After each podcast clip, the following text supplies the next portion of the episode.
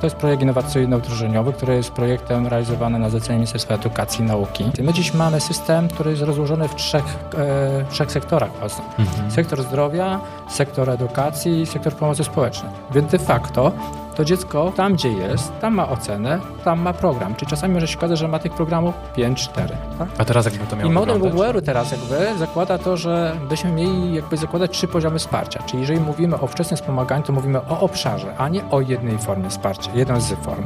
Hmm. Czyli mamy obszar od urodzenia do spełnienia obowiązku szkolnego, czyli to wszystko, co się dzieje przy dziale 0-6 lat, stanowi jakby wczesne wspomaganie, czyli stanowi połączenie w edukacji, przynajmniej jeden instrument tego, co dzisiaj jest pomocą psychologiczno-pedagogiczną, tego, co jest dzisiaj w wczesnym wspomaganiem rozwoju i tego, co jest zajęciami rewalidacyjnymi. I teraz, yy, co się okazuje, jeżeli mamy wersję zrobioną screening w wersji elektronicznej i mamy ten profil zrobiony w wersji elektronicznej, to dziecko, które zgłosi się do poradni psychologiczno-pedagogicznej, de facto tam zespół będzie mógł wejść na tą platformę, tak?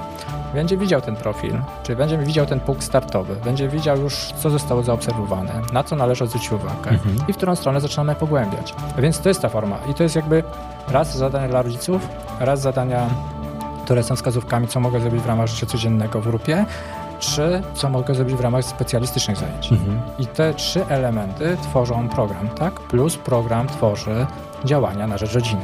Włącz się w rozmowy o wychowaniu i edukacji. Czekają interesujący goście i ważne tematy.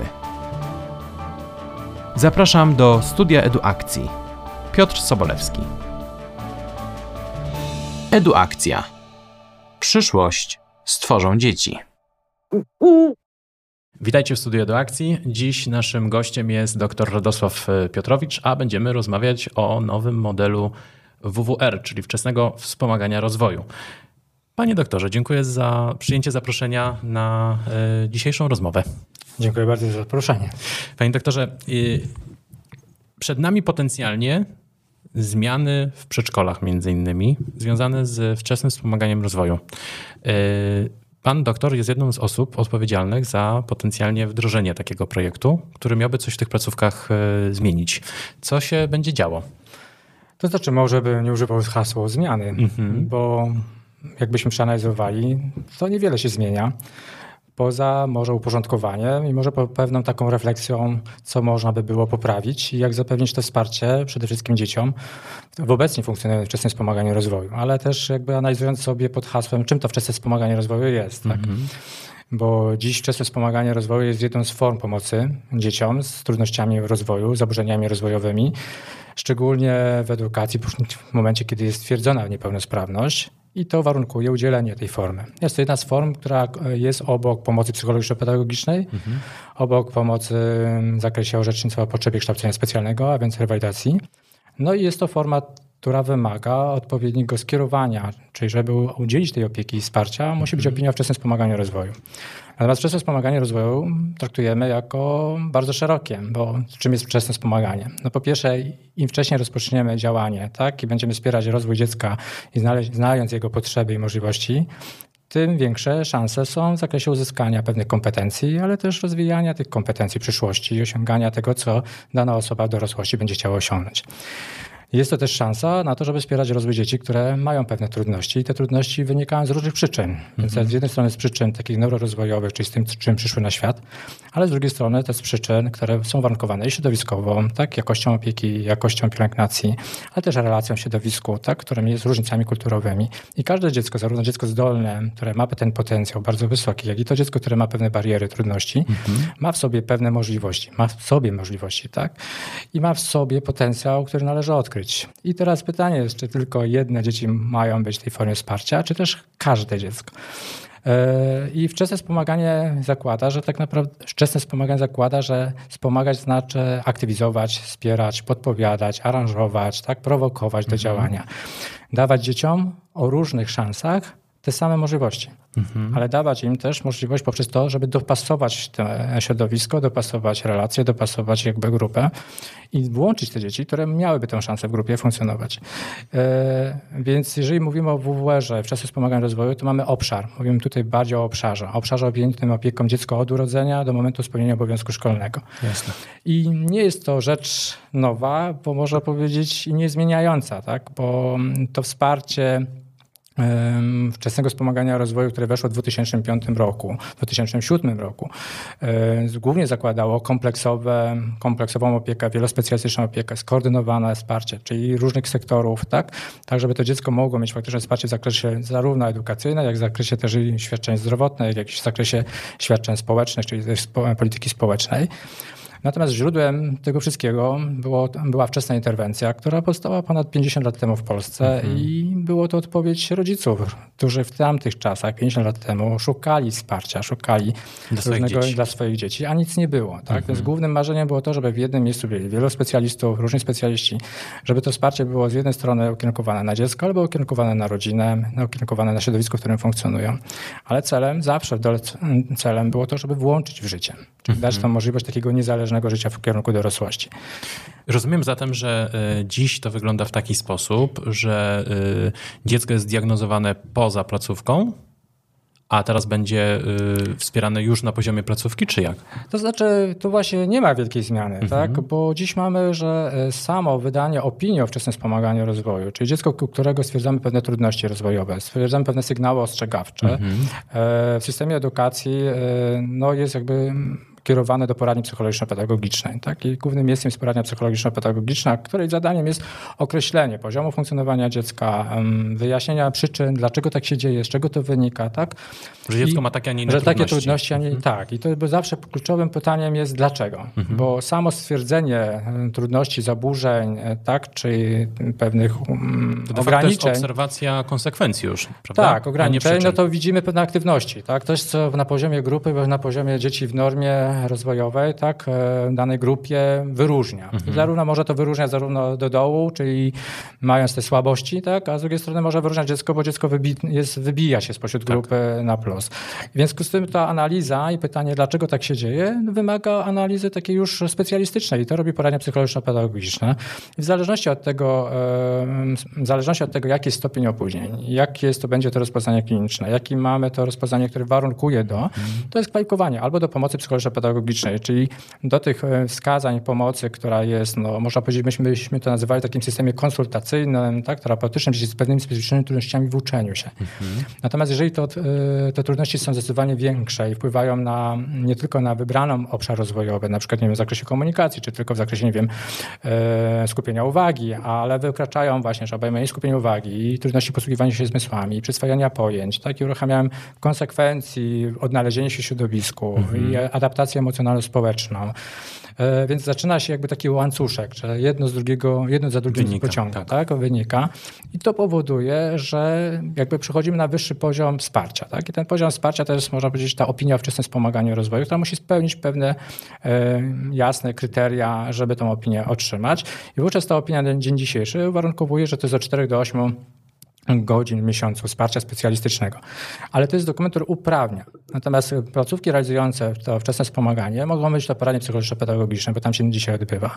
Mogą to być placówki edukacyjne, przedszkola, w których się to mhm. odbywa na co dzień, co dzień. A więc przedszkola, przedszkola integracyjne, przedszkola z udziałami integracyjnymi, przedszkola specjalne, ośrodki szkolno-wychowawcze specjalne, tak? Więc tam, gdzie jest zespół specjalistów, tam dzieci, dziecko z zespołem WWR-u jest objęte. Czyli jest to mhm. jakby pewna forma. Natomiast e, w momencie, kiedy dziecko trafi do mm, tej placówki, czy zespołu wczesnego wspomagania dzisiaj, to tam jest pogłębiona diagnoza, czyli pogłębiona ta ocena funkcjonalna. Tak? tak? I na bazie tej oceny funkcjonalnej opracowany są plan działań, plan wspierający, który jest w dużej mierze ukierunkowany na pracę z dzieckiem. Natomiast jeżeli powiemy dzisiaj, że mając dziecko, które jest w placówce edukacyjnej, przedszkolnej, no to na każde dziecko w placówce edukacyjnej można powiedzieć dokonywana ocena funkcjonalna tego dziecka, bo nauczyciel na bieżąco monitoruje rozwój dziecka, mhm. na bieżąco wyłapuje mocne strony zapotrzebowania, ale też potrzeby dziecka, tak podąża za jego zainteresowaniami, a z drugiej strony, kiedy widzi pewne trudności, no stara się jakby dopasować e, tak, i sytuację, i zadanie, stopniując odpowiednie trudności trudności, formułując odpowiednie polecenia, dobierając środek dydaktyczny, czyli w jaki sposób aranżuje. Więc ta ocena funkcjonalna, ta w kontekście monitorowanie, poznawanie potrzeb dziecka odbywa się na co dzień. To nie jest żadna jakby nowość, która mówi, powiedzmy, wchodzi do edukacji i nagle ktoś mm -hmm. robi, bo każde dziecko ma dopasowany jakby ten plan działania. Może nie nazywa się to IPED, program terapeutyczny, ale po prostu jako plan działania, tak, i wspierający do realizacji. Szukasz nowych pomysłów na inspirujące zajęcia w przedszkolu? Chcesz doskonalić swój warsztat pracy? Poznaj szkolenia online EduAkcji. Metoda Bapi-Strauss, integracja sensoryczna, kodowanie na dywanie, zabawy paluszkowe, specjalne potrzeby edukacyjne i wiele inspiracji do zajęć z dziećmi. Wszystko w jednym miejscu, na jednej platformie online. Uczysz się tak, jak lubisz, kiedy chcesz i gdzie chcesz. Dołącz z całą radą pedagogiczną. Ten potencjalnie nowy projekt, co zakłada y, w funkcjonowaniu nauczyciela w placówce? Co zmieni w jego y, działaniu, w jego pracy?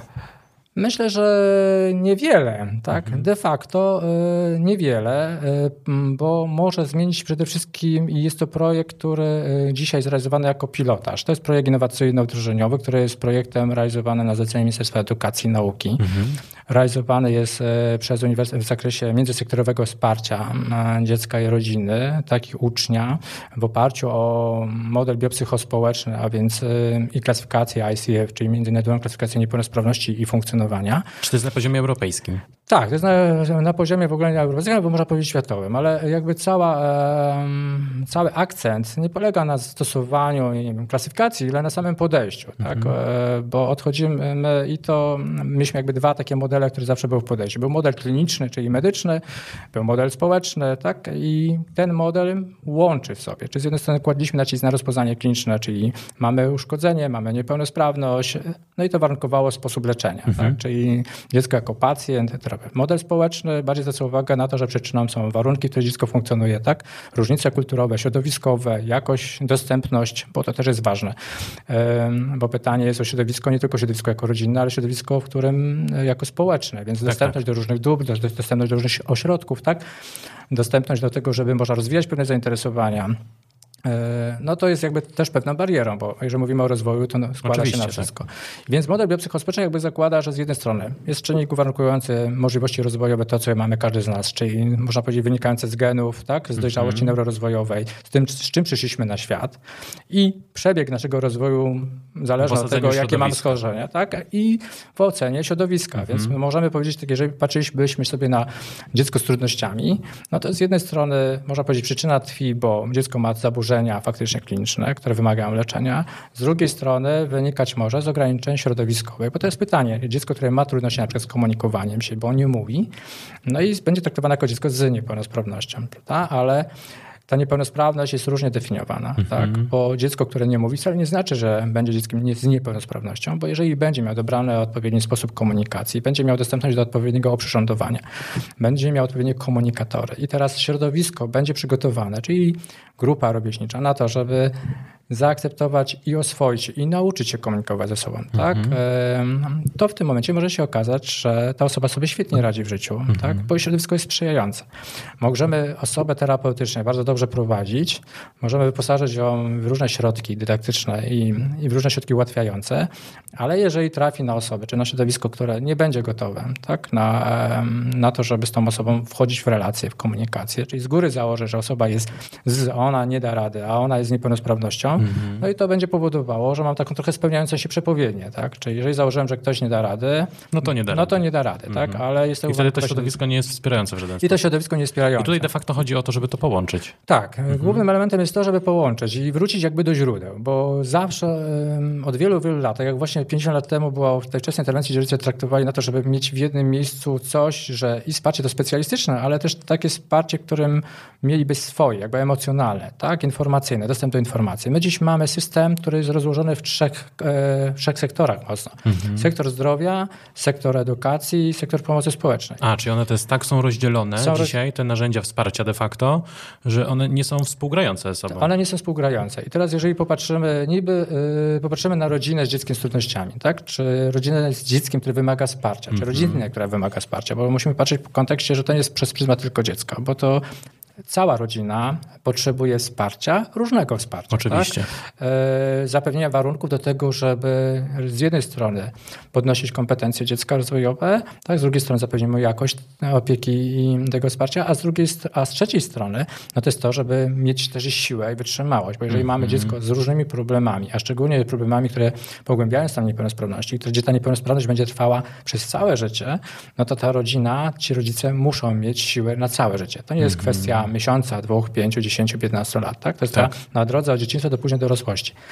I jeżeli teraz popatrzymy sobie na rodzinę, która jest w systemie, e, gdzie ona może korzystać, mieszkając sobie w jakiejkolwiek miejscowości czy w jednostce samorządowej, to nagle się okaże, że w systemie zdrowia może korzystać z poradni zdrowia, tak, czyli poradni ambulatoryjnych specjalistycznych, ale tam wymagane skierowanie lekarza pierwszego kontaktu, mhm. czyli wchodzi w procedurę Narodowego Funduszu Zdrowia. Tam Pierwszą ścieżkę jakąś. Tak, tam jest mhm. kryterium rozpoznanie kliniczne, tak, i tam jest traktowany jako pacjent. Mhm. I tu mamy jakby już niepełnosprawność traktowana jako rozpoznanie kliniczne, tak? Mhm.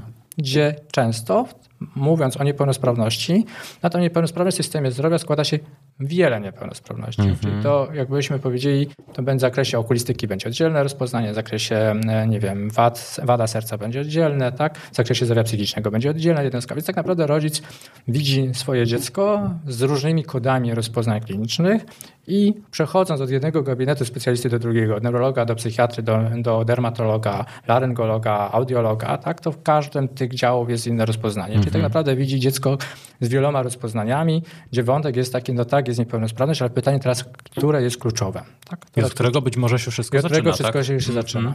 I to mamy zdrowie. I zdrowie jest jakby swoim, e, swoim jakby nurtem, swoim systemie, tak? przekierowania, leczenia. Równolegle mamy edukację, czyli rodzic może zgłosić do poradni psychologiczno-pedagogiczne i wchodzi w ścieżkę tak naprawdę pomocy psychologiczno-pedagogicznej, mhm. będzie też i psycholog, pedagog, logopeda, tak? będzie czasami fizjoterapeuta. Więc wielu specjalistów, którzy zaczyna dokonywać oceny, bardziej oceny funkcjonalnej dziecka, który bazuje też na rozpoznaniu klinicznym, tak jak na przykład zaburzenia ze spektrum autyzmu, czy niepełnosprawność mm -hmm. intelektualna, tak? Ale to jest coś, co niepełnosprawność intelektualna będzie się pojawiała dopiero tak naprawdę po piątym roku życia, tak? Więc nie będzie, będzie pełne rozpoznanie. Gdzie będzie pełne rozpoznanie, gdzie będzie, przejdziemy przez pewne okresy rozwojowe, tak? Mm -hmm. Natomiast y, to powoduje, że koncentrujemy się na rozpoznaniu, więc potrzebujemy z tego, y, z tego systemu medycznego, bo rozpoznanie kliniczne jest ważne do określenia pewnej strategii, mhm. przewidywalności, jakie są prognozy, bo z tego będzie wynikało dla nas istotna informacja. Czy ta niepełnosprawność, czy ten zespół niepełnosprawności, różnych zaburzeń klinicznych, które są, będzie cechowało w rozwoju progres, czyli dziecko będzie szło do przodu, wolno, bo wolno, ale będzie szło do przodu, będzie nabywało kompetencje, czy też może mamy taki zespół zaburzeń, które cechuje, że mamy w pewnych okresach na przykład zahamowanie rozwoju, mm -hmm. czyli mamy takie przestoje, tak? Czy też mamy takie zaburzenia, które cechuje regres, czyli zanik pewnych umiejętności. I to będzie warunkowało trochę inną strategię postępowania i przewidywalności budowania ścieżki wsparcia. Tak? Mhm. I teraz w edukacji rodzic korzysta z pomocy psychologiczno-pedagogicznej, ale teraz wie, że jak trudność, to, no to może starać się o opinię o wczesnym wspomaganiu rozwoju, czyli trafia do zespołu WWR-u. Tak? Czyli de facto to jest trzecia ścieżka. To jest jakby trzecia ścieżka, ale jeżeli dziecko to jest w edukacji przedszkolnej, mhm. no to realizuje w ramach edukacji przedszkolnej i tam tak naprawdę ma wsparcie w ramach pomocy psychologiczno-pedagogicznej. Czyli de facto dziecko mogłoby od rana do wieczora być tak, przez cały tydzień i, i w różnych narzędziach wsparcia. Tak, i może mhm. korzystać z różnych narzędzi wsparcia. I teraz jeszcze w edukacji dochodzi nam e, tak zwany program za życiem, czyli mhm. w ramach ustawy za życiem, program za życie powstały tak zwane ośrodki WOKRO. To są wiodące ośrodki koordynacyjno-rehabilitacyjno-opiekuńczo-wychowawcze, które są realizowane na zlecenie e, za, jako zadanie przez Ministerstwo Edukacji, czyli w oświacie. I to jest program skierowany dla rodziców dzieci, szczególnie 0-3 Czyli było tych, których można zauważyć pewne trudności i nie objętych wsparciem, mhm. ale nie ma jeszcze rozpoznania klinicznego tak naprawdę. Czyli miał być takim programem kompleksowym, takim koordynacyjnym. Czyli pierwsze źródło informacji, że zgłosić się, ośrodek jest, dlatego on się nazywa wiodący, tak? Koordynacyjny, że ten rodzic, który szuka tej informacji, tam dostanie tę informację, gdzie może udać się, tam będzie zespół specjalistów, którzy może rozwiną tą mm, wątpliwości, czy są trudności, czy nie, podpowiedzą, w którą stronę, tak? Uruchomią to wsparcie.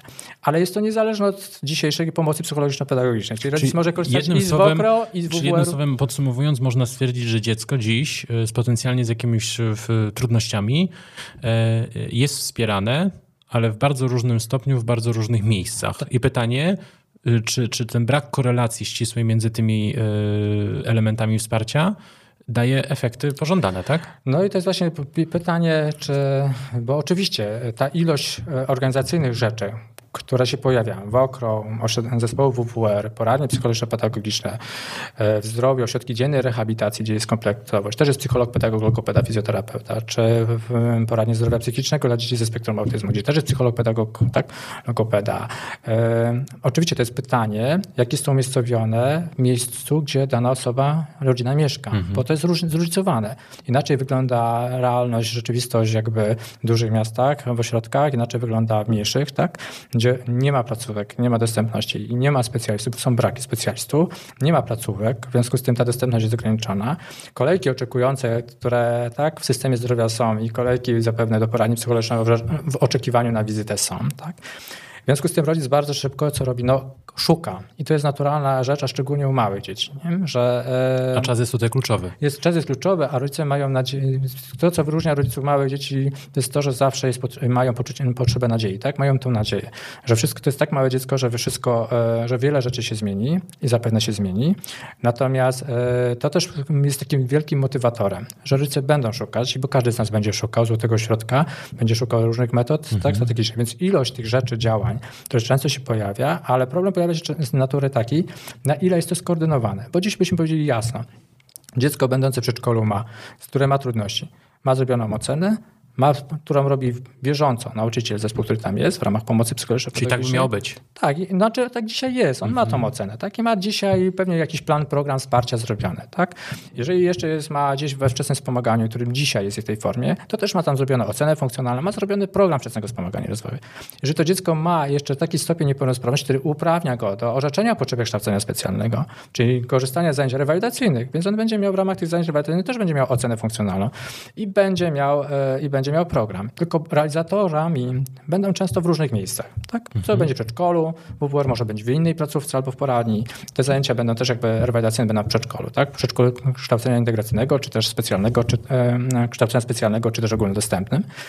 Natomiast jeszcze może być w innej placówce medycznej, gdzie będzie miał też zrobioną diagnozę ocenę i też będzie miał program terapeutyczny. Więc de facto to dziecko w kilku, tam gdzie jest, tam ma ocenę, tam ma program. Czyli czasami może się okazać, że ma tych programów 5-4. Ma różne zespoły specjalistów w różnym systemie. I każdy, trochę I każdy robi stronę. trochę w innym, może robić w inną. Więc jakbyśmy czasami zebrali te wszystkie programy, tak, rzeczy yy, z rodzicami i przeanalizowali, to mogłoby się okazać, że w niektórych programach wiele rzeczy się powtarza, co jest super, to znaczy jest pewna spójność. Ale może być Ale wiele, może być wiele punktów przeciwnych przeciwne. Może być przeciwne. Mogą być różne strategie postępowania, mhm. tak? E, bo każdy ośrodek może mieć swoją metodykę, strategię, pewną koncepcję pracy. I teraz ten rodzic jest takim gąszczą. Natomiast mhm. my możemy zwrócić uwagę na i znowu kluczowy element, że efektywność wsparcia terapeutycznego, czyli będzie zależała od tego, na ile będzie to powtarzalne, trwałe czyli będzie trwała, ale trwałość będzie zależała od tego, czy jest to konsekwentne, skoordynowane. Tak? Mhm. Tak? Dlatego y, wracamy trochę do źródeł, bo tak jak powiedziałem, w latach 2007 był realizowany program y, wielospecjalistyczny, kompleksowa, skoordynowana pomoc dziecku i rodzinie. Y, bardzo szeroki program pilotażowy, który już wtedy zakładał, który był takim podbudową wczesnego wspomagania rozwoju jako przejście właśnie z tej wczesnej interwencji, e, która powstała na bazie e, e, ruchu rodziców, tak? Ale program, który miał już wtedy założenia, a tamtych latach był programem międzysektorowym, więc miał połączyć jakby elementy, że tam, gdzie lekarze wchodzą do zespołu, to są finansowani ze środków systemu zdrowia nauczyciele, pedagodzy, psycholodzy są na finansowani ze środków edukacji. Ale wszyscy Asystent, razem. Ale wszyscy razem. Asystenci, mm -hmm. tak, pracownik socjalny. Ale kto za tym dowodzi? To znaczy, y, jeśli mamy y, potencjalnie możliwość y, skoordynowania tego w jednym miejscu i realnego wsparcia dziecka, żeby ci rodzice z tym dzieckiem tak nie chodzili od lasa do sasa, to, to, to kto ma wieść, wie, wie, wieść prym w, w, w obraniu ścieżki odpowiedniej? To znaczy, może nie jest kwestia tego, że wszystko jest w jednym miejscu mhm. bo główna, główny element jest taki, że nie da się zrobić tak, żeby było wszystko w jednym miejscu. Mhm. Także w jednym miejscu mamy poradnię zdrowia i mamy neurologa, psych, tak, lekarzy, specjalistów, że w jednym miejscu mamy, nie wiem, logopedów, tak, no i tego się nie da. No i też chyba nie byłoby to w ogóle realne, tak, możliwe. Natomiast ważne jest to, żeby skoordynować Czyli tak jak dzisiaj jest, że korzystam z poradni zdrowia, tak, korzystam z edukacji, korzystam ze wsparcia społecznego, mm, bo ze wsparcia społecznego to mamy jeszcze te formy, które dochodzą teraz, asystencja osobista osoby mm -hmm. z mhm. niepełnosprawnością, opieka wytchnieniowa dla rodzin, to są te usługi specjalistyczne w ramach pomocy społecznej.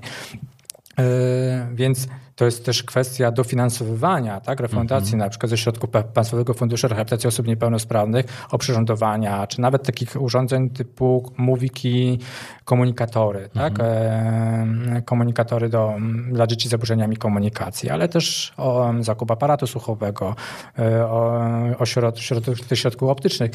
E, więc klucz polega teraz znowu na tym, żeby przeanalizować, analiz, przeanalizować zasoby, jakie na, w terenie, tam gdzie mieszkamy, jakie mamy zasoby w jednostce samorządowej.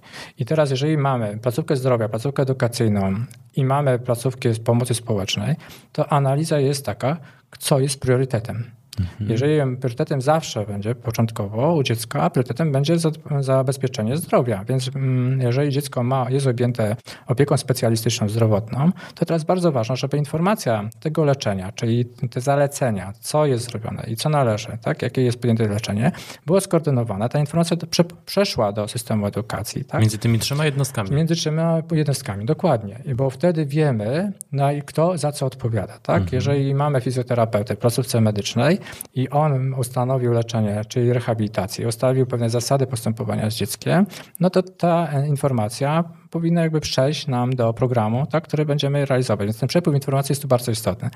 To jest tak samo chyba jak nauczyciel, który ma tą obserwację dziecka w przedszkolu i on tak długo spędza z tym dzieckiem czas, to te informacje z tej obserwacji są też kluczowe nawet dla tego lekarza, prawda? Tak, bo powiedzmy sobie tak, no, lekarz będzie w systemie medycznym będziemy diagnozować na bazie rozpoznań wad, tak, już kodzeń. To jest właśnie to podłoże klasyfikacji ICF, mhm. e, które się bardzo często w edukacji tak wszyscy bardzo boją, tak? Znaczy boją, i, ale może wynikać to z tego po prostu, że jest to kolejne narzędzie y, i z jednej strony każda nowość jakby powoduje, wzbudza, wzbudza pewną obawę. Mhm. Tak? E, natomiast e, bardziej nam zależy na tym, że jest o podejściu że pamiętaj, że skupiamy się na obserwacji aktywności, czyli jak dziecko funkcjonuje, co robi, czyli to, co obserwujemy na co dzień. Jak ono funkcjonuje, jak ono nawiązuje kontakt z innymi dziećmi, jak on się komunikuje, w jaki sposób on przyswaja, przyswaja treści, tak? Mhm. Jak, jak on reaguje na różne sytuacje, zarówno trudne sytuacje, jak i te sytuacje, które są, można powiedzieć, pozytywne przeżycia, jak tak. urodziny i tak dalej. Jak reaguje, jak funkcjonuje dziecko w codzienności, w takim codziennym rytuałach, czyli dbaniu o siebie, tak, przy jedzeniu, ubieraniu, czyli na ile jest samodzielny, samodzielne. E, jak funkcjonuje to dziecko w zabawie spontanicznej, czyli w takim czasie wolnym, czy potrafi sobie organizować ten czas, czy nie, tak? Jak funkcjonuje w sytuacji, kiedy ma zabawę zorganizowaną. Mhm. I wiadomo, że każde, każda z tych sytuacji jest dla dziecka wyzwaniem. Jedne, jedne dzieci będą w różnicach indywidualnych, lepiej funkcjonowały w takiej, inny będzie w takiej. Dla jednych stresowych gennom jest ta, to zadanie, a dla innych jest inne, tak? Mhm. Więc obserwacja e, nauczyciela, czy opiekuna w żłobkach, bo tu musimy też pamiętać o tym, że mamy jeszcze, e, że mamy w tym momencie edukację, tak? Natomiast y, kluczowym elementem, jeżeli mówimy o WWR, wczesne wspomaganie rozwoju, jest to dziecko 0,3, czyli to najmniejsze. te najmniejsze, czyli mhm. tutaj mamy żłobki, które są w pomocy, y, w pomocy społecznej i które są takim trochę zawieszeniem, tak? Między jednym mhm. systemem a drugim. Y, I tu, które też wymaga jakby takiego skoordynowanego wsparcia specjalistycznego. I teraz nauczyciel, który obserwuje, więcej będzie mógł zobaczyć, mhm. i więcej będzie mógł nie tyle sprawdzić, ile zweryfikować, nie tylko on, bo też e, należy pamiętać, że nie tylko nauczyciel jest w tej grupie. Tak? Mhm. W tej grupie jest na przykład pomoc nauczyciela, w tej grupie jest pani, która pomaga przy ubieraniu, tak? E, mhm. pracownicy inni administracyjni. W, tej w tym przedszkolu jest psycholog, jest pedagog, jeżeli logopeda, jest, tak? tak? logopeda, tak. więc jest zespół ludzi. Tak? I to jest jakby wynik obserwacji tego zespołu i to jest bardzo ważne, bo jeżeli dokonuje jedna osoba, to nie wszystko będzie w stanie jakby przeanalizować, zobaczyć. Tak. zobaczyć. Tak. Inaczej dziecko będzie funkcjonowało w gabinecie, inaczej będzie funkcjonowało dziecko w zajęciach jeden na jeden, tak? a inaczej będzie funkcjonowało dziecko w sytuacji grupowej. I rozumiem, że te całe informacje zebrane w przedszkolu i w pracy indywidualnej, grupowej i wszystko, co tam się dzieje, yy, będzie przekazywane do innych podmiotów, które potencjalnie miałyby wesprzeć yy, rozwój tego dziecka. Tak, i, i, tu jest jakby głównym takim elementem jest to, żeby to było spójność, tak? I mhm. przepływ informacji. I stąd jakby jednym z takich elementów, elementów to jest praca w ogóle w modelu, modelu, ale bo tak jak powiedziałem, ten model, który dzisiaj realizuje Uniwersytet Śląski w, korpora, e, w porozumieniu z innymi uczelniami, czyli Uniwersytet Adama Mickiewicza, Katolicki Uniwersytet Lubelski, UMCS e, z Akademia Pedagogiki Specjalnej w Warszawie, e, Uniwersytet Śląski, tak? To jest pewien element, który jest, mm, moglibyśmy, wynikiem wielu projektów. Mhm. To jest o tyle bardzo istotne, że to jest projekt, który wszedł na poziom jakby z jednej strony organizacji na poziomie jednostki samorządowej, czyli analizy właśnie zintegrowania poziomie powiatu, jakie mamy zasoby, jak wypracować porozumienia, które by miały między tym, przepływ informacji między tymi podmiotami. Jakich jak, narzędzi dobrać? Jakie narzędzia, jakie narzędzia dobrać? Jak stworzyć e, pewną instytucję koordynującą, czyli takie miejsce, która, e, do której ten rodzic by trafił i której by dostał źródło informacji. Czy ona byłaby takim źródłem informacji? Czyli, że z tym proszę iść do tego, tak, tego, z tym tak do tego, tak. do tego, mhm. ale też taką informacją, którą ten zespół by dokonał tej wstępnej takiej oceny, tak, by powiedział, na jakim poziomie mamy pewne trudności, jakiego poziomu wsparcia będzie wymagało, no i po kierowaniu dalej. Tak? I to jest jakby ten drugi element. No a trzeci element od samych, no, samych podstaw, no to jest miejsce realizacji. No i tutaj ta spójność to jest to pierwsze. Natomiast drugi taki bardzo ważny element to jest ten narzędzie elektroniczne, mhm. a więc zbudowanie takiej bazy przepływu informacji. No i tutaj rozważane jest, powstają też platformy w ramach Ministerstwa Edukacji, ze środków Ministerstwa Edukacji i Nauki, e, platformy z narzędziami, tak? czyli narzędziami do oceny funkcjonalnej, do analizy. Czyli na poziomie przedszkola. No, nie tylko przedszkola, tak? bo przedszkola, szkoły. Pamiętajmy, mm -hmm. tutaj jest o mhm. tyle ważne, że patrzymy jakby takim kompleksowo. To jest też wyznacznik, że tu nie ma przyporządkowane, że to jest program tylko pilotaż do małego dziecka, Czyli ale rozumiem, cały system. I, i, i pani yy, pracująca w żłobku, obserwująca informacje, które tam są uzyskane, przekazywane są dalej na poziom przedszkola. Tak. Przedszkole na poziom szkoły. Tak, mhm. tak. Mamy, bo chodzi właśnie, bardzo ważnym tym elementem jest ta tranzycja. Mhm. Tak, że dzisiaj można powiedzieć, że robimy coś tutaj, kończy się edukacja na przykład w przedszkolu, dziecko przychodzi do pierwszej klasy do szkoły, szkoły i, i tam nowo. wszystko na nowo, mm -hmm. od nowa zaczynamy. Zbierać informacje, tak, mamy ocenę, planowanie wsparcia, tak dalej. Nie ma tego przepływu. Ten przepływ w dużej mierze zależy od rodzica, tak? Czy rodzic mm -hmm. przeniesie, czy nie przeniesie. A nieraz zdarza się, że ale też, nie przynosi... No tak, ale też zdarza się też tak, że ten rodzic po prostu nie ma tych, e, tych mm -hmm. informacji, tak? Nie ma tych informacji, nie ma tych programów i, i a też przez to, że nie ma tej ciągłości, no to też mamy nie zawsze spójny ten obraz i, i zaczynamy tracić wiele czasu na tą wstępną znowu ocenę. A czas jest w tym przypadku a, jest, a czas kluczowy. jest kluczowy. Tak. I, I jeżeli byśmy powiedzieli sobie na tą ścieżkę, no to tym narzędziem takim, które mamy jakby zestaw narzędzi w wersji elektronicznej, to mamy screeningi rozwojowe, czyli zestaw narzędzi, które są teraz jakby walidowane, sprawdzane, weryfikowalne. One w tym modelu, w programie naszym przeszły ten etap wstępny takiego badania. Ponad 20 tysięcy dzieci było przebadanych w przedziale od 6 e, miesiąca do, do 6 roku życia. To są narzędzia, które są od 3, 6 miesiąca do, do 6 lat. E, natomiast na poziomie szkoły i to są narzędzia, które ten screening rozwojowy ocena na bazie klasyfikacji ICF, czyli pewnych podejść do pod kątem obszarów rozwojowych, uczenie się, właśnie komunikowanie, e, poruszanie się. Natomiast na etapie szkolnym mamy narzędzia, które nawiązują do tego narzędzia e, screeningowego. E, to są arkusze obserwacji ucznia, które znowu są na poziomie klas 1, 3, 4, 6, 6, 8 szkoły średniej. Więc mhm. mamy jakby ciąg, który bardziej spójnego narzędzia pod kątem też zbierania danych do systemu.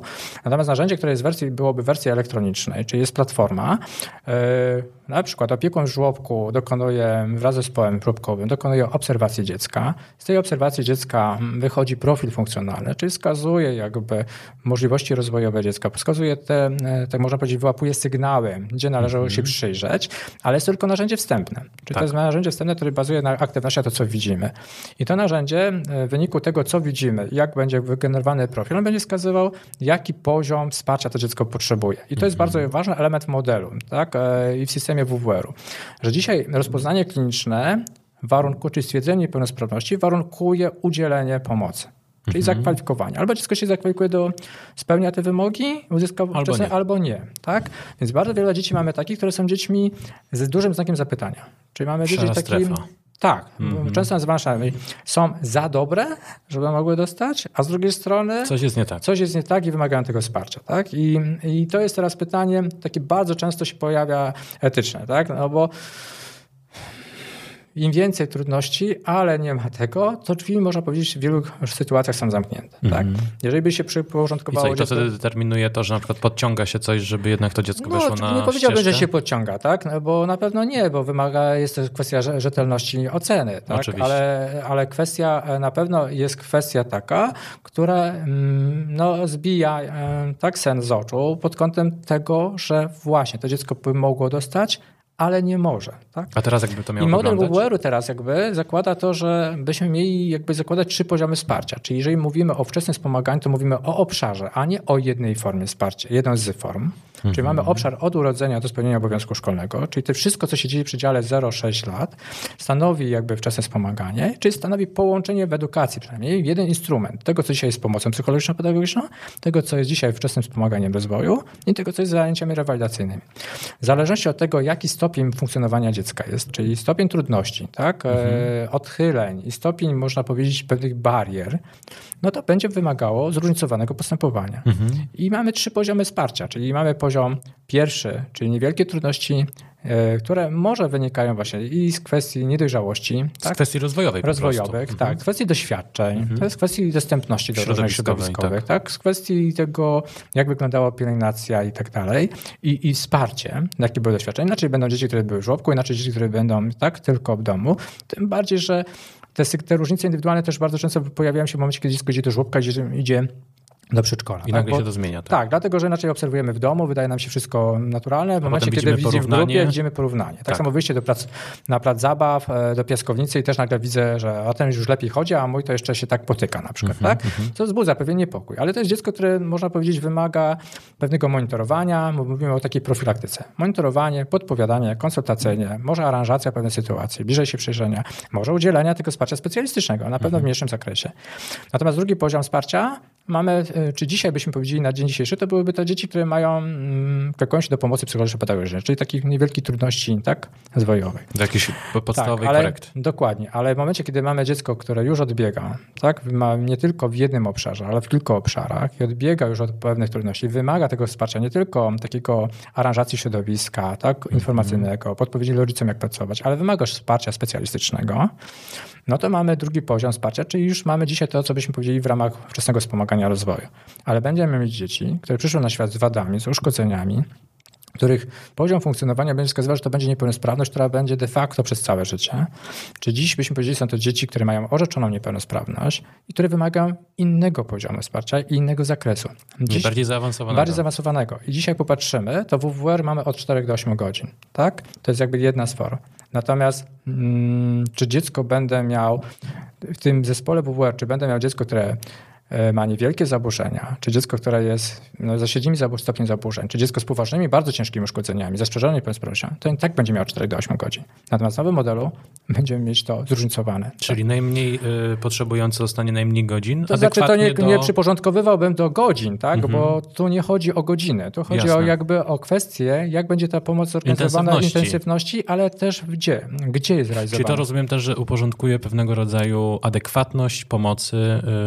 y, koreluje, bo jeżeli Mhm. byśmy połączyli tak, te wszystkie rzeczy, które są robione na etapie przedszkola, tak, w ramach przedszkola, pomocy, w ramach tych zajęć dodatkowych, które dziecko ma na przykład ze specjalistami, plus te dodatkowe zajęcia, które dziecko ma w ramach wyboru dzisiaj poza placówką edukacyjną, tak, plus jeszcze inne zajęcia, które korzystają, no to tworzy się jakby pewna pula rzeczy, Mhm. tak. Teraz ważne jest to, że wtedy jest jeden, tak? Jest jeden jakby zespół, e, który może stanowić zespół z placówki, jeżeli to dziecko znajduje się w przedszkolu, to to w, z tego przedszkola, ale jeżeli potrzebny jest specjalista inny, którego tego przedszkola nie ma, no to będzie uzupełnione albo przez poradnię psychologiczno-pedagogiczną, albo będzie uzupełnione przez placówkę inną specjalistyczną, tak, która wymaga. I teraz yy, czy to jest wyzwanie, wyzwanie dla przedszkola? Yy, bo powiedzmy sobie tak, yy, każde przedszkole ogólnodostępne, które dzisiaj obejmuje wsparciem dzieci, tak? Yy, każde dziecko, które tam się znajduje. W związku z tym można powiedzieć, że przedszkole ogólnodostępne będzie spełniało ten standard wsparcia szczególnie dla tych dzieci na pierwszym poziomie, tak, z trudności. mhm. Czyli na tych, że pod... Te, które dzisiaj są. To dzisiaj są, jeżeli e, byśmy weszli do przedszkola ogólnego, tak, ogólnodostępnego i byśmy mieli tam dziecko, które ma orzeczenie o potrzebie kształcenia specjalnego, czyli takie, które byłoby w edukacji tej integracyjnej, tak, to jeżeli ktoś popatrzy, to przecież w każdej grupie, każdy z nauczyciel powie, że oprócz tych dzieci, które mają orzeczenie, czyli mają jasno zdiagnozowane, to są dzieci, które też wymaga, wymagają Ale nie mają orzeczenia. ale nie mają, tak? Ale wymagają wsparcia. I może jedne wymagają większego tego wsparcia, takiego specjalistycznego, które będzie trzeba intensywnie poprowadzić. A drugie może potrzebują więcej czasu, ale potrzebują uwagi. Też wymagają obserwacji, Albo wymagają podpowiedzi, dopasowanych, dopasowanych ćwiczeń, właśnie, ćwiczeń, zabaw. dokładnie, albo zaaranżowanej samej sytuacji, tak? Prostej czynności. I to jest o tyle istotne, że e, wówczas w tym całym jakby podejściu mamy jeden diagnozę i mamy jeden program. I to jest to właśnie połączenie trochę z tego screeningu, że jeżeli w żłobku ktoś wykonał screening, i wyszły nam poziomy wsparcia jako proponowane i widzimy pewien sygnał ostrzegawczy, który wymaga czego? Że sprawdźmy, dlaczego tak się dzieje, więc musimy pogłębić, dokonać pogłębionej diagnozy, takiej oceny i wtedy jest ta bardzo duża rola ta diagnoza kliniczna, bo może będzie trzeba pogłębić tę diagnozę w zakresie medycznym, może też środowiskowe, więc trzeba uruchomić te zasoby środowiskowe, tak? Mhm. Co się dzieje, jak się dzieje i z czym jest uwarunkowane, czy też kwestie te, które mają charakter też dydaktyczno-edukacyjny, bo to też należy przeanalizować, że te trudności mogą wynikać z tego, że na przykład niedopasowane są wymagania, na przykład, tak? Mhm. albo niedopasowana jest metoda prowadzenia zajęć, tak? E, że mamy bardzo wiele różnych metod i bardzo dużo tych metod i to powoduje też, że jesteśmy w gąszczu i czasami stosujemy daną metodę, bo już się przeszkoliłem. Tak? Mhm. I teraz nie zawsze ta metoda, nie zawsze tej metodzie się odnajdzie dane dziecko. Tak? A więc może się okazać, że pewne rzeczy gdzieś nam zginęły i to jest wynik no, trochę postępowania, na kogo trafiło dziecko, jaki zestaw czynniki osobowościowe, tak jak tak. w każdej dziedzinie. Tak? E, I teraz, jeżeli to przeanalizujemy e, w tym momencie, to musimy pogłębić diagnostykę. Więc to dziecko kierujemy do poradni psychologiczno-pedagogicznej albo kierujemy do instytucji koordynującej, tak? którą może być poradnia psychologiczno-pedagogiczna, może być także inna placówka. To już w zależności od tego podmiotu e, wskazuje, tak naprawdę wskazuje jednostka samorządowa i to jest rozwiązanie na poziomie lokalnym do analizy, kto jakie ma zasoby. Mhm. I teraz e, co się okazuje? Jeżeli mamy wersję zrobioną screening w wersji elektronicznej i mamy ten profil zrobiony w wersji elektronicznej, to dziecko, które zgłosi się do poradni psychologiczno-pedagogicznej, de facto tam zespół będzie mógł wejść na tą platformę, tak? Będzie widział ten profil, czyli będzie widział ten punkt startowy, będzie widział już, co zostało zaobserwowane, na co należy zwrócić uwagę mhm. i w którą stronę zaczynamy pogłębiać. I to pogłębienie, czyli już mamy punkt wyjścia, tak? Ale... Czyli de facto są takie narastające dane. Tak, mamy już narastające dane, natomiast on teraz pogłębia. Nie pogłębia tylko w kontekście dziecka, tak, ale dokonuje jakby analizy też w, w zakresie potrzeb rodziny, bo mhm. my cały czas koncentrujemy się często na dziecku, praca z dzieckiem, praca z dzieckiem i to jest trochę takim elementem, który bardzo często widać w podejściu takim gabinetowym, tak. E, że mamy zalecenie. Taka metoda, takie działanie, taki rodzaj, a my teraz mamy przeanalizować nie w kontekście jaka metoda, jaka strategia, tylko w kontekście nad jakimi umiejętnościami mamy z dzieckiem pracować. Tak? Coś, co ma, jest kluczowe. A kluczowymi umiejętnościami no to jest to, czy dziecko potrafi dobrze reagować na, reagować na bodźce, które są adekwatnie na te bodźce sensoryczne. Tak? Czy potrafi e, wchodzić w relacje komunikacyjne, czy ta komunikacja ma charakter funkcjonalny, czy jest intencja, czy jest naprzemienność, czy wchodzi w dialog, mhm. tak? czy potrafi dokonywać wyboru. Tak? To jest pytanie, czy potrafi współdziałać, czy jest naprzemienność w zakresie naśladownictwa bo to warunkuje, czy ma zainteresowanie. Bo jeżeli te umiejętności są uruchomione, to one warunkują przyswajanie i rozwój. Tak? Mhm. Tak? Jeżeli natomiast będziemy się koncentrować na samym podejściach terapeutycznych, wejdziemy to, co jest kluczowe, jakby podstawowe, fundamentalne, no to dalej będziemy mieć blokadę, bo może się okazać, że pracujemy, robimy wiele, wiele, wiele rzeczy, ale nie ma tego transferu, czyli nie ma przełożenia na życie. I teraz, jeżeli mamy tą furtkę, to właśnie polega na tym, że z tego screeningu z jednej strony mamy profil dziecka, ale mamy włączyć rodziców. Mhm. Więc teraz pierwsza rzecz to jest też analiza, jakie potrzeby mają rodzice. Bo my zakładając sobie dziecko, zakładając sobie profil, który z tego wynika i program ukierunkowany na dziecko, układamy piękny program, który często będzie miał kilka stron, bo tak często jest, kilka stron, bardzo wiele zadań do realizacji, różnych celów do realizacji, tak? a czasami się okazuje, że priorytetem dla rodziców jest całkiem co innego. Mhm. My na przykład pracujemy nad wieloma czynnościami dydaktycznymi, a dla na przykład priorytetem może być to, że dziecko, żeby dziecko przesypiało noc. Mhm. Bo dziecko w nocy się często budzi. Dziecko budzi się, nie ma możliwości zasypiania, tak? co jest stresem to tam bardzo jest, um, dużym dla rodziców. No, szczególności, że to jest długotrwałe. Jest to długotrwałe, jest to zmęczenie fizyczne i psychiczne tak? dla rodziców, ale też jakby dla samego dziecka. To dziecko jest rozdrażnione. To dziecko przychodzi już do grupy, rozrażone, jest zmęczone i ono nie jest w stanie funkcjonować. Teraz możemy koncentrować się na zajęciach takich, które założyliśmy sobie w programie, a kluczem jest no, to, żeby dziecko przysypiało noc i całkiem inny element, więc ten rodzic, jeżeli nawet dostanie ten program do realizacji zadań, mhm. on nie będzie w stanie nic z tego zrobić. Dlatego ważny jest element typu rozmowy z rodzicami, przeanalizowaniu jakby taką ekomapę. Mówimy mhm. o nowym takim elemencie ekomapy, co nie jest nowością, bo w wielu placówkach, po prostu w sektorach to jest. To inaczej jest analiza i potrzeb, możliwości. To jest pytanie, wywiad z rodzicami, rozmowa z rodzicami na temat, jak wygląda dzień, jakie mają rutyny, e, kto, spełnia, kto więcej czasu spędza z dzieckiem. Tak? A z drugiej strony pytanie w ogóle o to, czy jest czas wolny, bo jeżeli to, no tak, bo jeśli są jakieś zalecenia, a nie ma czasu w rodzinie. Nie ma czasu wolnego w rodzinie. Dokładnie, nie ma czasu wolnego w rodzinie. Czyli ci rodzice nie mają czasu na to, żeby mhm. ze sobą spotkać się, posiedzieć i porozmawiać. Tak? A dostaną, nie wiem, 10 zadań czy 15 zadań do realizacji i zaczną to traktować znaczeniu teraz, że no godzina 14 to się siadam, bo muszę z nim poćwiczyć i zaczynamy mieć trochę element taki, jakbyśmy powiedzieli, dziecka w wieku szkolnym mamy małe dziecko, one są jakby w systemie zajęć dydaktyczno-korepetycyjnych. Tak? Mhm. Powrót do domu, praca domowa. Tak? Mhm. E, w związku z tym obciążenie dla rodziców. Dodatkowe de facto. Dodatkowe. Myśląc o tym, że jeszcze mam wiele rzeczy do zrobienia. Tak? Obciążenie, które jest i fizyczne. Z drugiej strony pojawia się obciążenie, że znowu czegoś nie zrobiłam, a program narzucał. Mhm. Tak? W związku z tym moje dziecko może nie iść dlatego, bo, bo za mało wkłada. Poczucie winy. Poczucie i winy i rzeczy. Tera, terapeuci, my jako środowisko środowisko zawsze mówimy, albo rodzice nie, nie współpracują, albo bo nie wykonują zadań, bo gdyby robili więcej, to by To by był efekt. No właśnie. się okazuje, że jest problem a, na poziomie organizacyjnym. A jest problem na poziomie organizacyjnym. I teraz bardzo istotnym elementem jakby jest to, żebyśmy wrócili do źródeł. A źródło polega na tym, żeby zajęcia dydaktyczne, zajęcia to, co są programowe, przenieść na życie codzienne, czyli na mhm. funkcjonalność. Czyli bardzo ważne jest, żebyśmy wrócili jakby do wykorzystania rutyn dnia codziennego. I to bardzo ładnie widać u rodziców małych dzieci, że ktoś będzie chodził na fizjoterapię i będzie tam uczył dziecko obracania, tak? bo dziecko ma się obracać, mhm. ale obracanie jest niczym innym tym, co będziemy robić przy podnoszeniu, przy przewijaniu, tak? Więc czasami zadajemy, przy okazji. Przy okazji. Czasami zadajemy rodzicowi pytanie, ile razy państwo obracali dziecko, tak? I rodzic mówi, nie zdążyliśmy wczoraj, tak? Nie zrobiliśmy tych zabiegów rehabilitacyjnych. I ktoś mówi, no dobrze, a powinien państwo zrobić to około 400 razy dziennie.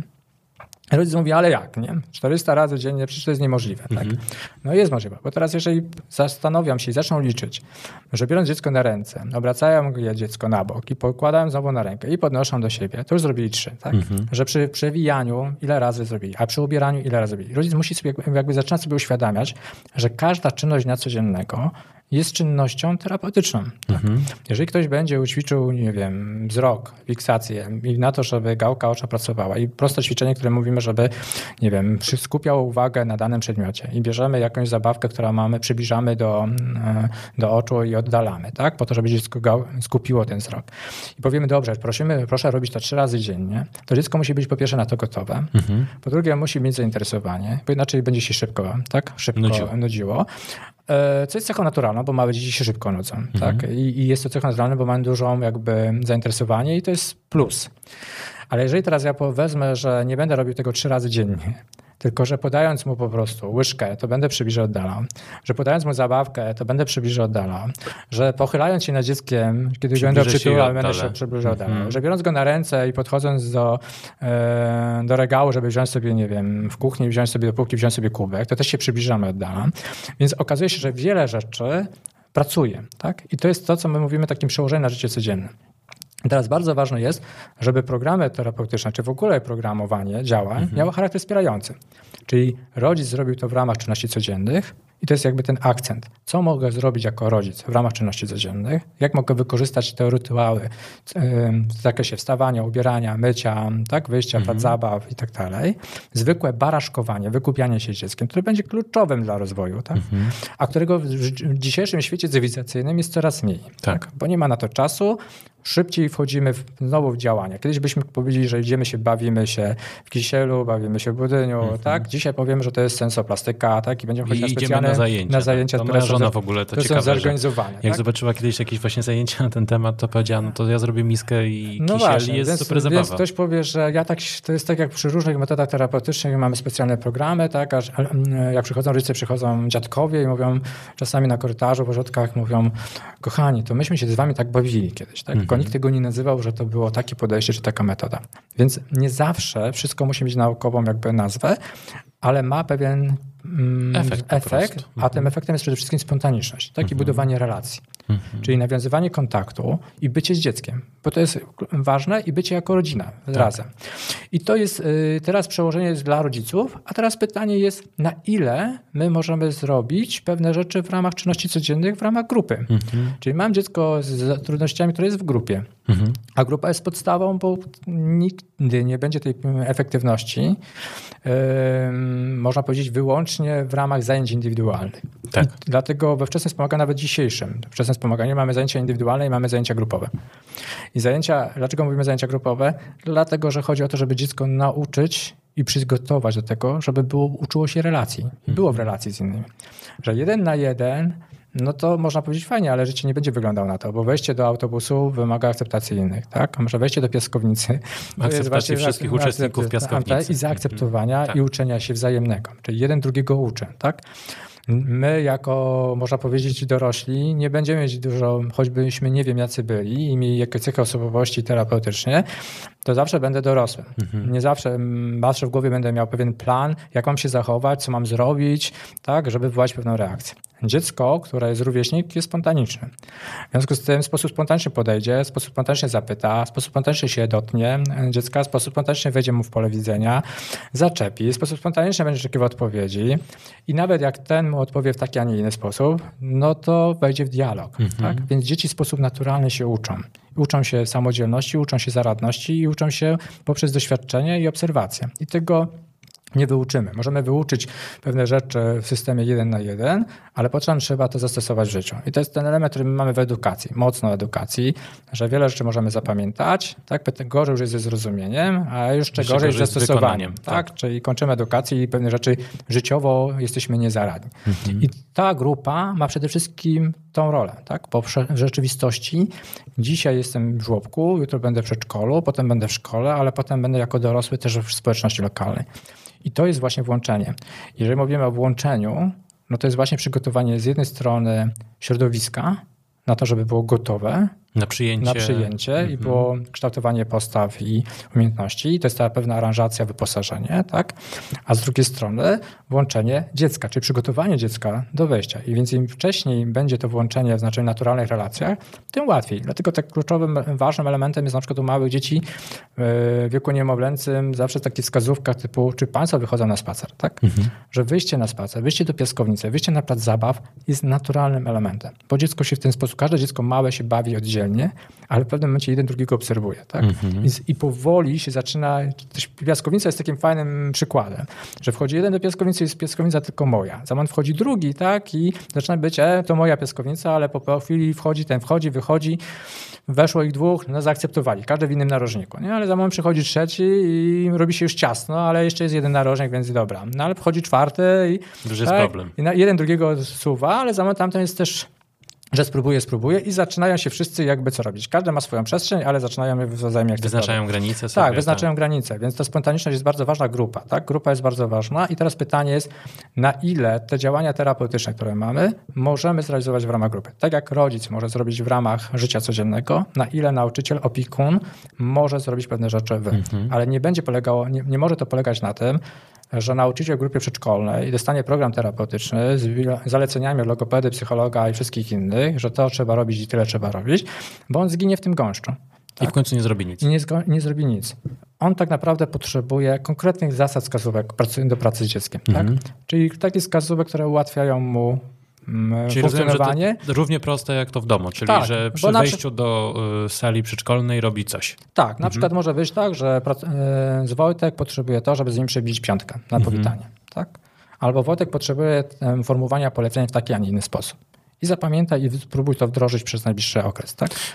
E, I to jest ważny element, bo to nie polega teraz na tym, że nauczyciel przedszkolu nagle czy mm, de facto ma być specjalistą, terapeutą. Mhm. Nie, on ma mieć wsparcie specjalistów, więc jeżeli wchodzi od września dwa- zeszłego roku, y, czyli wchodzą standardy zatrudnienia, osób- zatrudnienia specjalistów, czy w zakre- zakresie pomocy psychologiczno-pedagogicznej. Chodzi o pedagogów specjalnych, pedagogów specjalnych, psychologów, psychologów. tak, Mhm. psychologów, y, ale to jest też bardzo istotne, że ten standard zatrudnienia specjalistów jest przede wszystkim nie w kontekście dzieci z trudnościami, które mają orzeczenia, Mhm. tylko właśnie w kontekście do dzieci, które tych orzeczeń nie mają, czyli właśnie tych różnic indywidualnych, bo tych rola tego pedagoga specjalnego czy psychologa jest właśnie wsparcie tego nauczyciela, tak? czyli podpowiedzenie, jak pracować, jak aranżować przestrzeń, jak poprowadzić tą metodykę, tak? Mhm.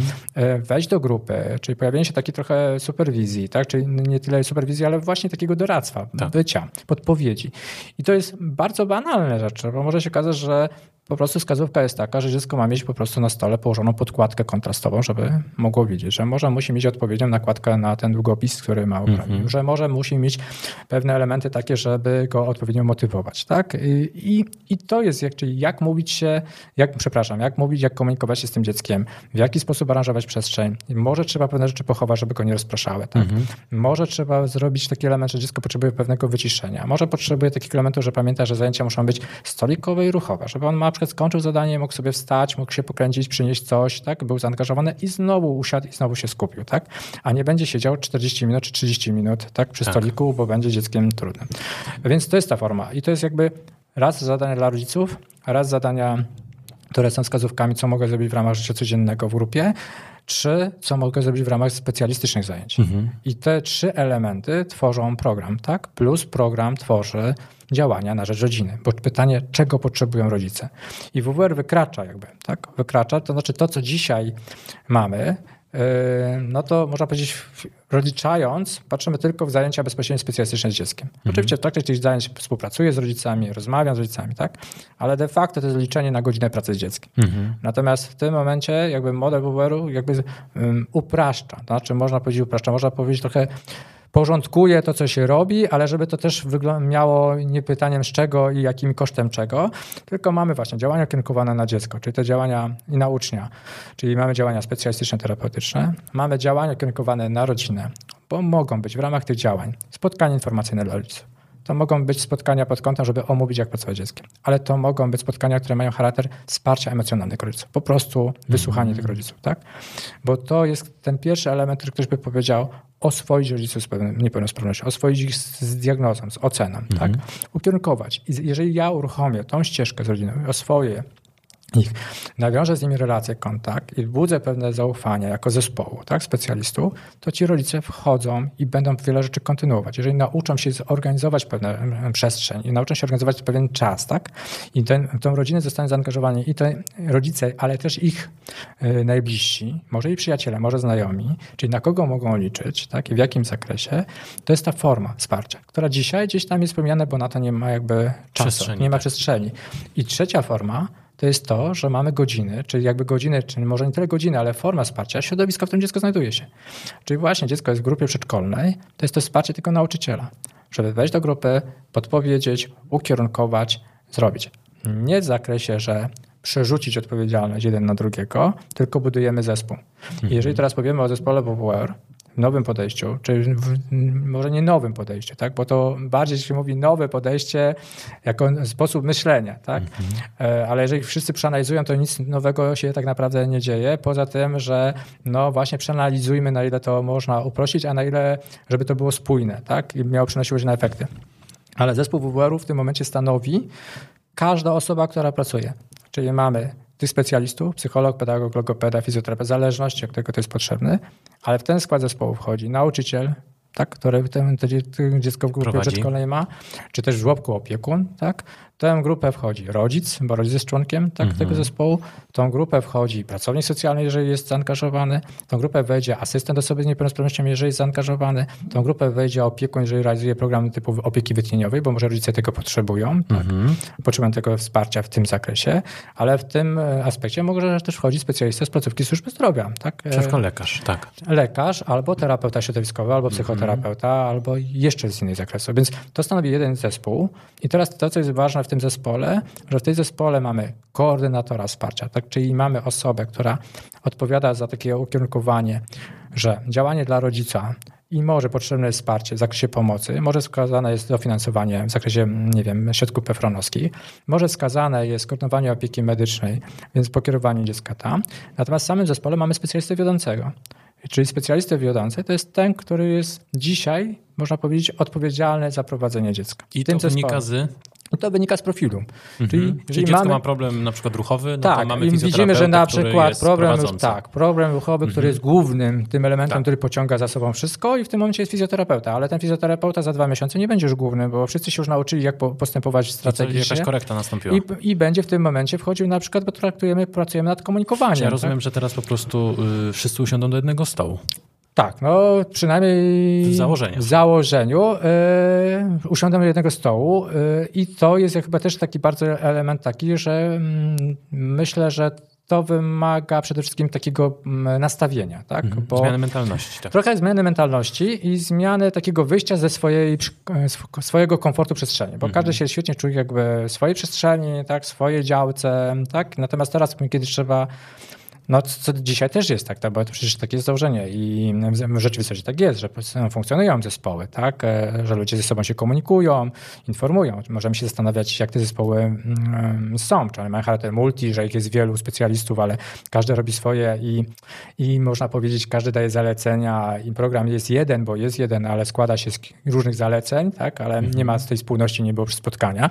Czy mamy taki zespół, który, no tak, dziecko przeszło przez wszystkich, oni się spotkają chociaż na chwilę, uzgodnili, co jest kluczowe, tak, nad czym pracują dają wskazówki, czyli mamy już pewną porozumienia, czy mamy taki zespół, który wzajemnie się wspiera. To znaczy... To jest najlepsze rozwiązanie. Tak, czyli wspiera, czyli na przykład jestem, wchodzę na zajęcia do drugiej osoby, razem obserwujemy, tak, razem się. Oczywiście to nie jest wcale łatwe, bo wymaga po pierwsze pytanie o specjalistów, pytanie o warunki lokalowe, pytanie o przestrzeń, tak, pytanie o dostępność do specjalistów, natomiast na pewno uruchomienie y, pewnych możliwości, tak, organizacyjnych, żeby takie mogły się spotkania robić i mogłyby mieć formy przestrzeni, no to jest już już pewnym plusem. Więc myślę, że model nie jest jakby nowym, ile jest pewną taką e, ewo- odświeżenie. odświeżenie i ewolucją. Tak? Mhm. To jest ewolucja i to jest też chyba bardzo istotne, bo to e, nie jest coś, co można wprowadzić z dnia na dzień. To tak? jest tak naprawdę rozpoczęcie pewnego procesu, który Proces. może doprowadzić do czegoś. Tak. A słowem podsumowania, e, jakby pan doktor mógł powiedzieć trzema zdaniami, jakie pan doktor ma oczekiwania wobec takiego y, projektu? I co jest takim marzeniem pana doktora, że to się dzieje? Co jest marzeniem? Tak. Marzeniem to, żeby wszyscy specjaliści po pierwsze rozmawiali ze sobą, mhm.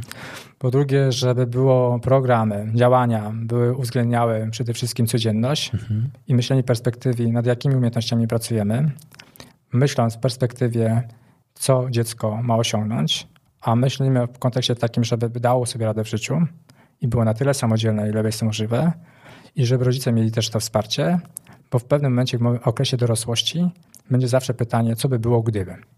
Hmm, gdyby umarł. Dla rodziców tak, mhm. dla rodziców tak. Natomiast co by było gdyby, tak? I to przed każdym będzie stało i to każdy staje pewnie z takim pytaniem e, przy własnych dzieciach. Co by było, gdybym trafił na kogoś takiego czy takiego i co bym osiągnął, tak? Mhm. E, więc myślę, że kluczowe jakby jest element to, żeby po pierwsze rozmawiać, po pierwsze przełamać trochę e, jakby bariery takie mm, specjalistyczne, E, uporządkować podejścia terapeutyczne w kierunku to, żeby to były działania e, spójne, ale przede wszystkim udokumentowane, e, żeby to nie było każde, każda metoda, różne podejścia, bo to się nie przekłada. I na pewno, jeżeli będzie to skorelowane, a zmienią, zmienią się postawy i będzie gotowość na pewne zmiany między sobą, tak, osobowościowo, e, do współpracy przede wszystkim, mhm. współpracy analizy. I będą narzędzia, które mają uporządkować, a z drugiej strony być pomocne, e, bo te narzędzia, o których mówiliśmy, to te narzędzia mają, powstają właśnie ze środków Ministerstwa Edukacji, one będą w kategoriach teraz walidacji, ale to, będą, to są narzędzia, które będą dostępne placówkom edukacyjnym w sposób bezpłatny. Tak? Zakłada się, że musi, musi być jakby ta dostępność. Mhm. I dostępność przede wszystkim na to, żeby to międzysektorowo e, połączyć, żeby przepływ informacji ze systemu zdrowia, tak jak mamy portal pacjenta, tak? i mamy portal edukacyjny w systemie oświaty, i mamy portal w, e, w pomocy społecznej, żeby była spójność przepływu informacji, nie biegania z, z, jednym dokumentem do drugim po to, żeby uzyskać drugi dokument, trzeci dokument, czwarty dokument i ścieżka, można powiedzieć, nam się bardzo wydłuża. Tak? Mhm. Więc chyba marzeniem jest to, żeby to, żeby to było skoordynowane, żeby był spójny system, jeden system orzeczniczy, bo dziś mamy trzy systemy orzecznicze, mamy system zdrowia, system w edukacji i system pomocy społecznej. I chyba to chyba najważniejsze. Świetnie. Dziękuję panie doktorze za y, spotkanie, a wam serdecznie dziękuję za zaangażowanie, za to, że nas oglądacie. Zapraszam do subskrybowania naszego kanału i do zobaczenia już niebawem. Dziękuję bardzo. Serdecznie dziękuję wszystkim słuchającym. Im jest nas więcej, tym więcej mamy wiedzy i empatii dla dzieci, młodzieży, no i siebie nawzajem. Dlatego zapraszam Was do subskrybowania kanału Eduakcji, akcji nauczycieli, opiekunów i rodziców. Jak nas znaleźć? Wpisujcie w serwisach podcastowych w wyszukiwarkę Eduakcja lub od razu wchodźcie na stronę www.edu-akcja.pl, gdzie znajdziecie podcasty, blog i szkolenia. Jesteśmy też na Facebooku i na Instagramie. Małpeczka, program Eduakcja. Eduakcja. Przyszłość stworzą dzieci. Do usłyszenia w kolejnym odcinku. Porozmawiamy wtedy o. Sami sprawdźcie. Do usłyszenia. Piotr Sobolewski.